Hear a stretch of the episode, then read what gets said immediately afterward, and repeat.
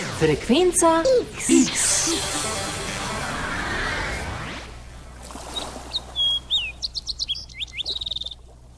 Začelo se je pred približno dvema milijonoma let. Iz lesa, gline, kože in kamna smo začeli sestavljati predmete, ki so nam olajšali preživetje, in to do te mere, da smo po kamnu poimenovali zajeten kos človeške zgodovine. 4000 let pred našim štetjem, v obdobju mostiščarstva in koliščarstva, je pobudo prevzel bakr, mehka, gnetljiva oranžkasta kovina, iz katere smo izdelovali orodje in orožje. Pravi tehnološki preskok je okoli leta 2300 pred našim štetjem sprožil bron, zlitina bakra, kositra, aluminija in silicija, ki je enostavnejši za obdelavo in precej bolj obstojen, saj potem, ko se na njem nabere zaščitna oksidna plast. Tisoč let pred našim štetjem pa sta železo in jeklo zarezala v naš časovni trak in ostala zelo pomembna vse do danes. Do danes so odkrili veliko novih tipov materijalov, kot so polprevodniki, polimeri, kompoziti in zato bi lahko današnji dobi rekli tudi doba naprednih materijalov. Od pametnih materijalov, kot so naprimer Eh, taki materijali, ki se sami očistijo ali se prilagodijo na zunanje razmere, do okoljsko prijaznih materijalov, se pravi biorazgradljivi in fotorazgradljivi polimerni materijali, pa do posebnih funkcionalnih materijalov z najrazličnejšimi vlogami. Smer razvoja materijalov pa gre sedaj predvsem v miniaturizacijo, se pravi v nanostrukturirane materijale, materijale za čim lažje baterije, lopatice, turbin, ki bi zdržale zelo visoke temperature, potem superprevodnike pri sobni temperaturi, razvijajo se tudi kemijski senzori z ekstremno občutljivostjo in drugi materijali. Doktorica Majda Pavlini iz laboratorija za cemente, malte in keramiko je ena od strokovnjakov Zavoda za gradbeništvo Slovenije, s katerimi se bomo v prvem delu serije tematsko povezanih oddaj frekvence X posvetili gradbenim materialom. Te v grobem delimo na naravne in na umetne. Naravni materiali so naprimer kamen oziroma mineralni agregati, potem les, ki je naravni material in se že tisočletja intenzivno uporablja pri gradnji objektov, tudi sneg in led, uporablja pa se tudi blato, glina, zemlja ter seno, slama in bambus. Med obende materijale pa štejemo beton, to je osnovni material, ki ga uporabljamo pri gradnji, potem jeklo, jeklo je zlitina železa in se pri gradbeništvu uporablja za izdelavo konstrukcij, kovine, kot so recimo bakar, potem aluminijove in titanove zlitine ter druge kovine za dekoracijo, potem opeka, to je umetni izdelek iz gline, predelane in oblikovane v kvadre, ki je utrjen z žganjem, steklo, steklo beton, ki je sodoben gradbeni material, potem keramika, pene, recimo izolacijske pene, kot so poliuretanske pene in polistireni, eh, bolj poznano kot eh, stiropor, in pa drugi materijali, recimo karbonska vlakna in pa kevlar. Frekvenca X. Osnovne zahteve pri gradbenih materijalih so jasne. Biti mora funkcionalen, Ustrezno mora biti specifična teža, meja plastičnosti, prožnost, trdota, zlomna trdnost, odpornost proti mehanski in termični utrujenosti, abrazivni obrabi, oksidaciji in koroziji.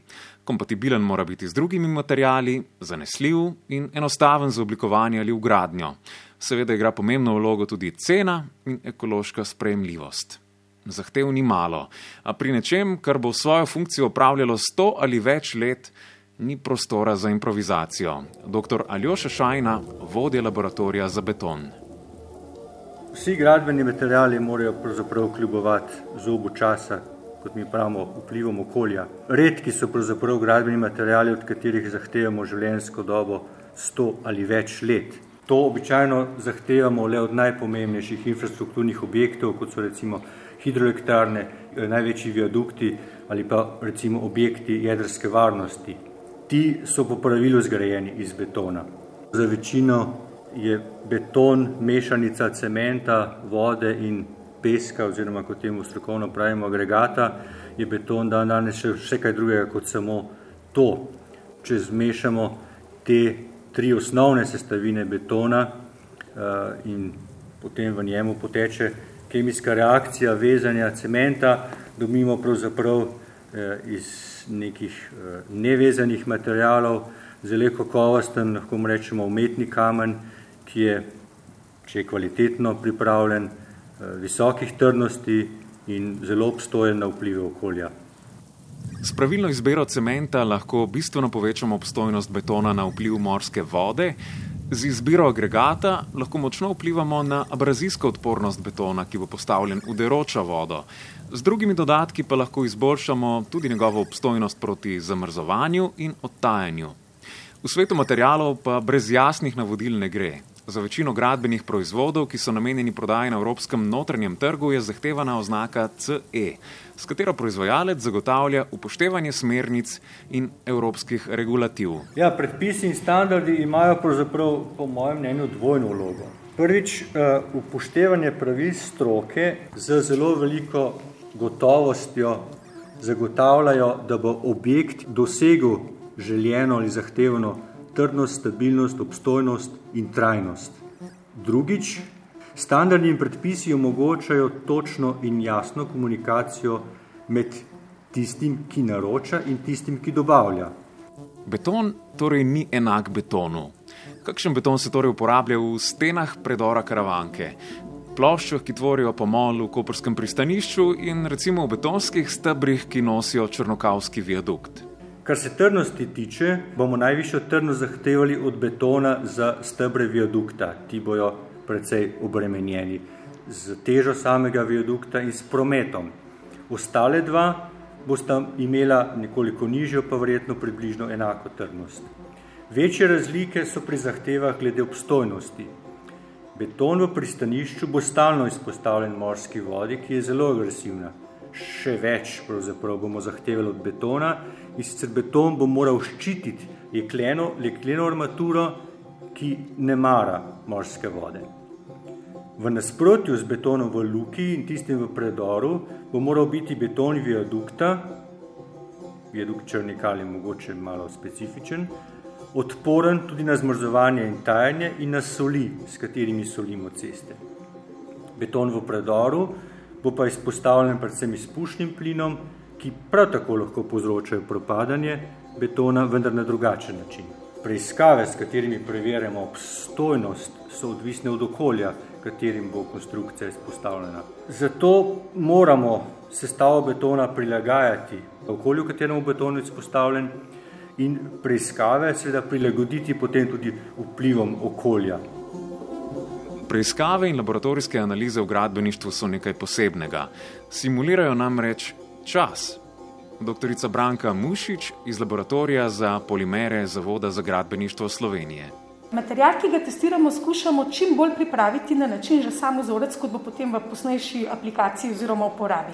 Damo ga v zaprto komoro, kjer v bistvu simuliramo, če zdaj opišem slano komoro, eh, notri simuliramo pogoje, ki so obmorski pogoji. Se pravi, eh, skrbimo, da je vse čas dovolj eh, slenice noter, da se prši, lahko imamo tudi UV komoro, kjer simuliramo sončno svetlobo, se pravi, lahko jo simuliramo zelo podobno našemu sončnemu spektru, lahko rečemo, želimo še boljše bi rekel, še boljše materijale in potem bolj rigorozen UV spektr opredelimo, ponazorimo in pospešimo tisto, kar material v bistvu potem, eh, bi rekla, doživlja, če želite, oziroma kar material potem more prenesti v sami naravi. In to potem eh, s pospešenimi eh, testi dobimo precej prej, kot bi sicer morali čakati, da se to zgodi po normalni naravni poti.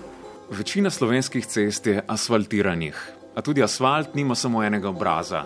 Magistrica Mojca Ravnikar Turk, vodja laboratorija za asfalte in bitumenske proizvode na Zavodu za gradbeništvo Slovenije. Asfalt se uporablja za različne namene. Nekateri so primerni za pešce, drugi za težek promet, tretji za letališče. Asfalt je običajno sestavljen iz kamnitih zrn, se pravi kaj en prut, recimo, ali pa drobljen, in bitumla, ki je pridobljen iz nafte in je posebno predelan za uporabo v asfaltih. In prav zato je asfalt tudi črne barve. No, ne vedno. Asfalt lahko naredimo tudi druge barve, naprimer bež ali rdeč, vendar moramo v tem primeru uporabiti brezbarven sintetični bitumen in kamen take barve, kot želimo barvo asfalta. Tak asfalt pa je zelo drag, ni primeren za težek promet, pa še omaže se hitro. Ne le ceste in poti, nekatere asfaltne zmesi se zaradi svoje vodo neprepustnosti lahko porabijo celo kot tesnilo v vodnih zadrževalnikih. Asfaltna industrija je razvila več osnovnih tipov asfalta, ki se uporabljajo v vseh evropskih državah. V asfaltnih bazah se proizvaja ob temeljitem mešanju kamnitih komponent in bitumna ter segrevanju pri temperaturah od 150 do 200 stopinj Celzija.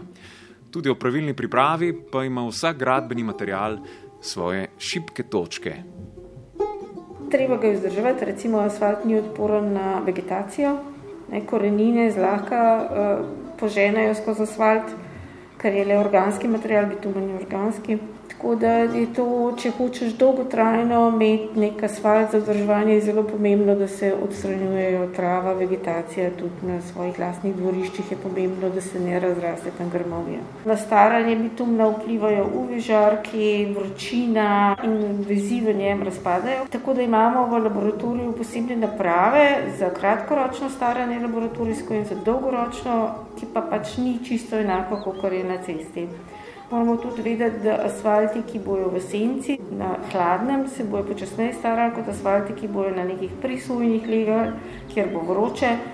Imamo pa tudi naprave, s katerimi preučujemo obnašanje pod dinamičnimi obremenitvami, vendar so te preiskave na takih majhnih uh, vzorcih asfalta in seveda ne morejo odražati istega, kar je na terenu so pa precej zahtevne te dinamične preiskave. Zahtevno pa je tudi načrtovanje novih generacij gradbenih materialov. Čeprav ni ravno intuitivno, se ena od rešitev morda skriva v deregulaciji. Certificirana proizvodnja namreč omejuje uporabo posebnih dodatkov. Poda trendi so, da se razvija vedno več dodatkov, zato da se lahko ogorjuje pri nižjih temperaturah, kar je bolj zdravo za ljudi, ki to delajo ali pa da tu uh, proizvajaš, da ga večkrat ponovno uporabiš. No, to so pa tako imenovani pojemljajevalci, se morajo uporabiti. V prihodnosti boste morda več slišali tudi o asfaltih, ki s pomočjo vročine sami celijo drobne razpoke, ali pa tistih, v katerih to počnejo z to angažirani mikroorganizmi. Pred uvedbo tovrstnih materialov treba preveriti njihovo dolgoročno obstojnost, za kar niso dovolj le laboratorijske analize.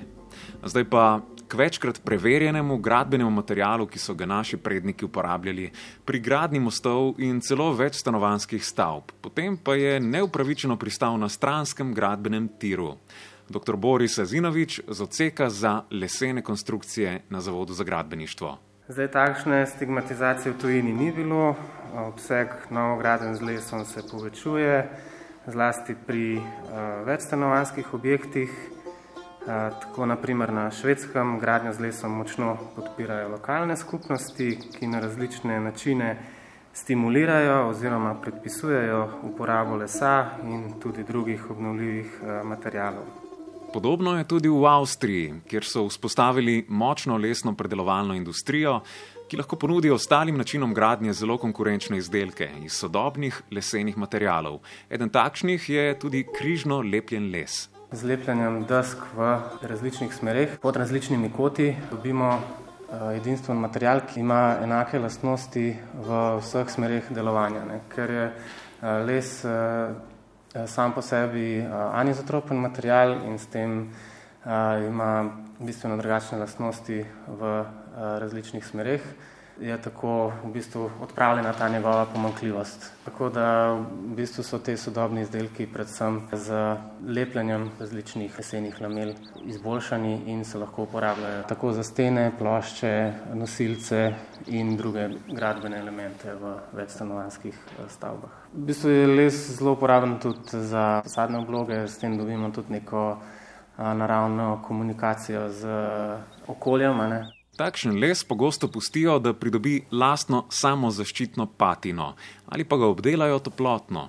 Je pa pri lesu mm, zelo pomembno, da so pravilni detajli uh, ugradnje, mm, dobro načrtovani detajli uh, arhitekture, predvsem pa tudi dobra izvedba.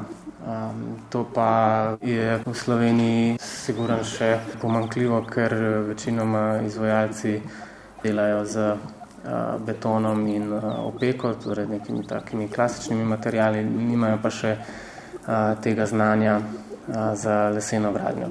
ki ni le očem prijazna, ampak odporna celo na potrese. Les je namreč material, ki ima glede na svojo težo izjemno nosilnost. O izbiri materialov pri protipotresni gradni pa dr. Meta Kržan z oddelka za lesne konstrukcije. Se pravi, izbira materialov je za različne vrste objektov bolj ali manj pogojena tudi z doseganjem zahtevane potresne odpornosti. Eh, odvisno je tudi od arhitekturne zasnove objekta, namena oziroma rabe objekta in tako dalje. Eh, za manjše stanovanske stavbe se ponavadi uporabljajo drugi materijali, kot naprimer za stolpence ali pa neke industrijske objekte, specifične inženirske objekte, naprimer mostove.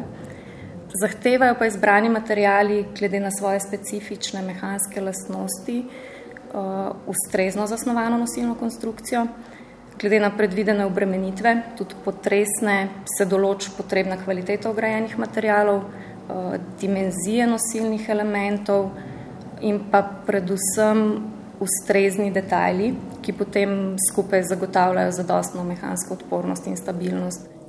Po nedavnih potresih so v javnost ponovno prišle debate o slovenski gradbeni praksi pred letom 1960. Predvsem v prestolnici bo protipotresno utrjevanje stavb kislo jabolko, v katerega bo treba ugrizniti.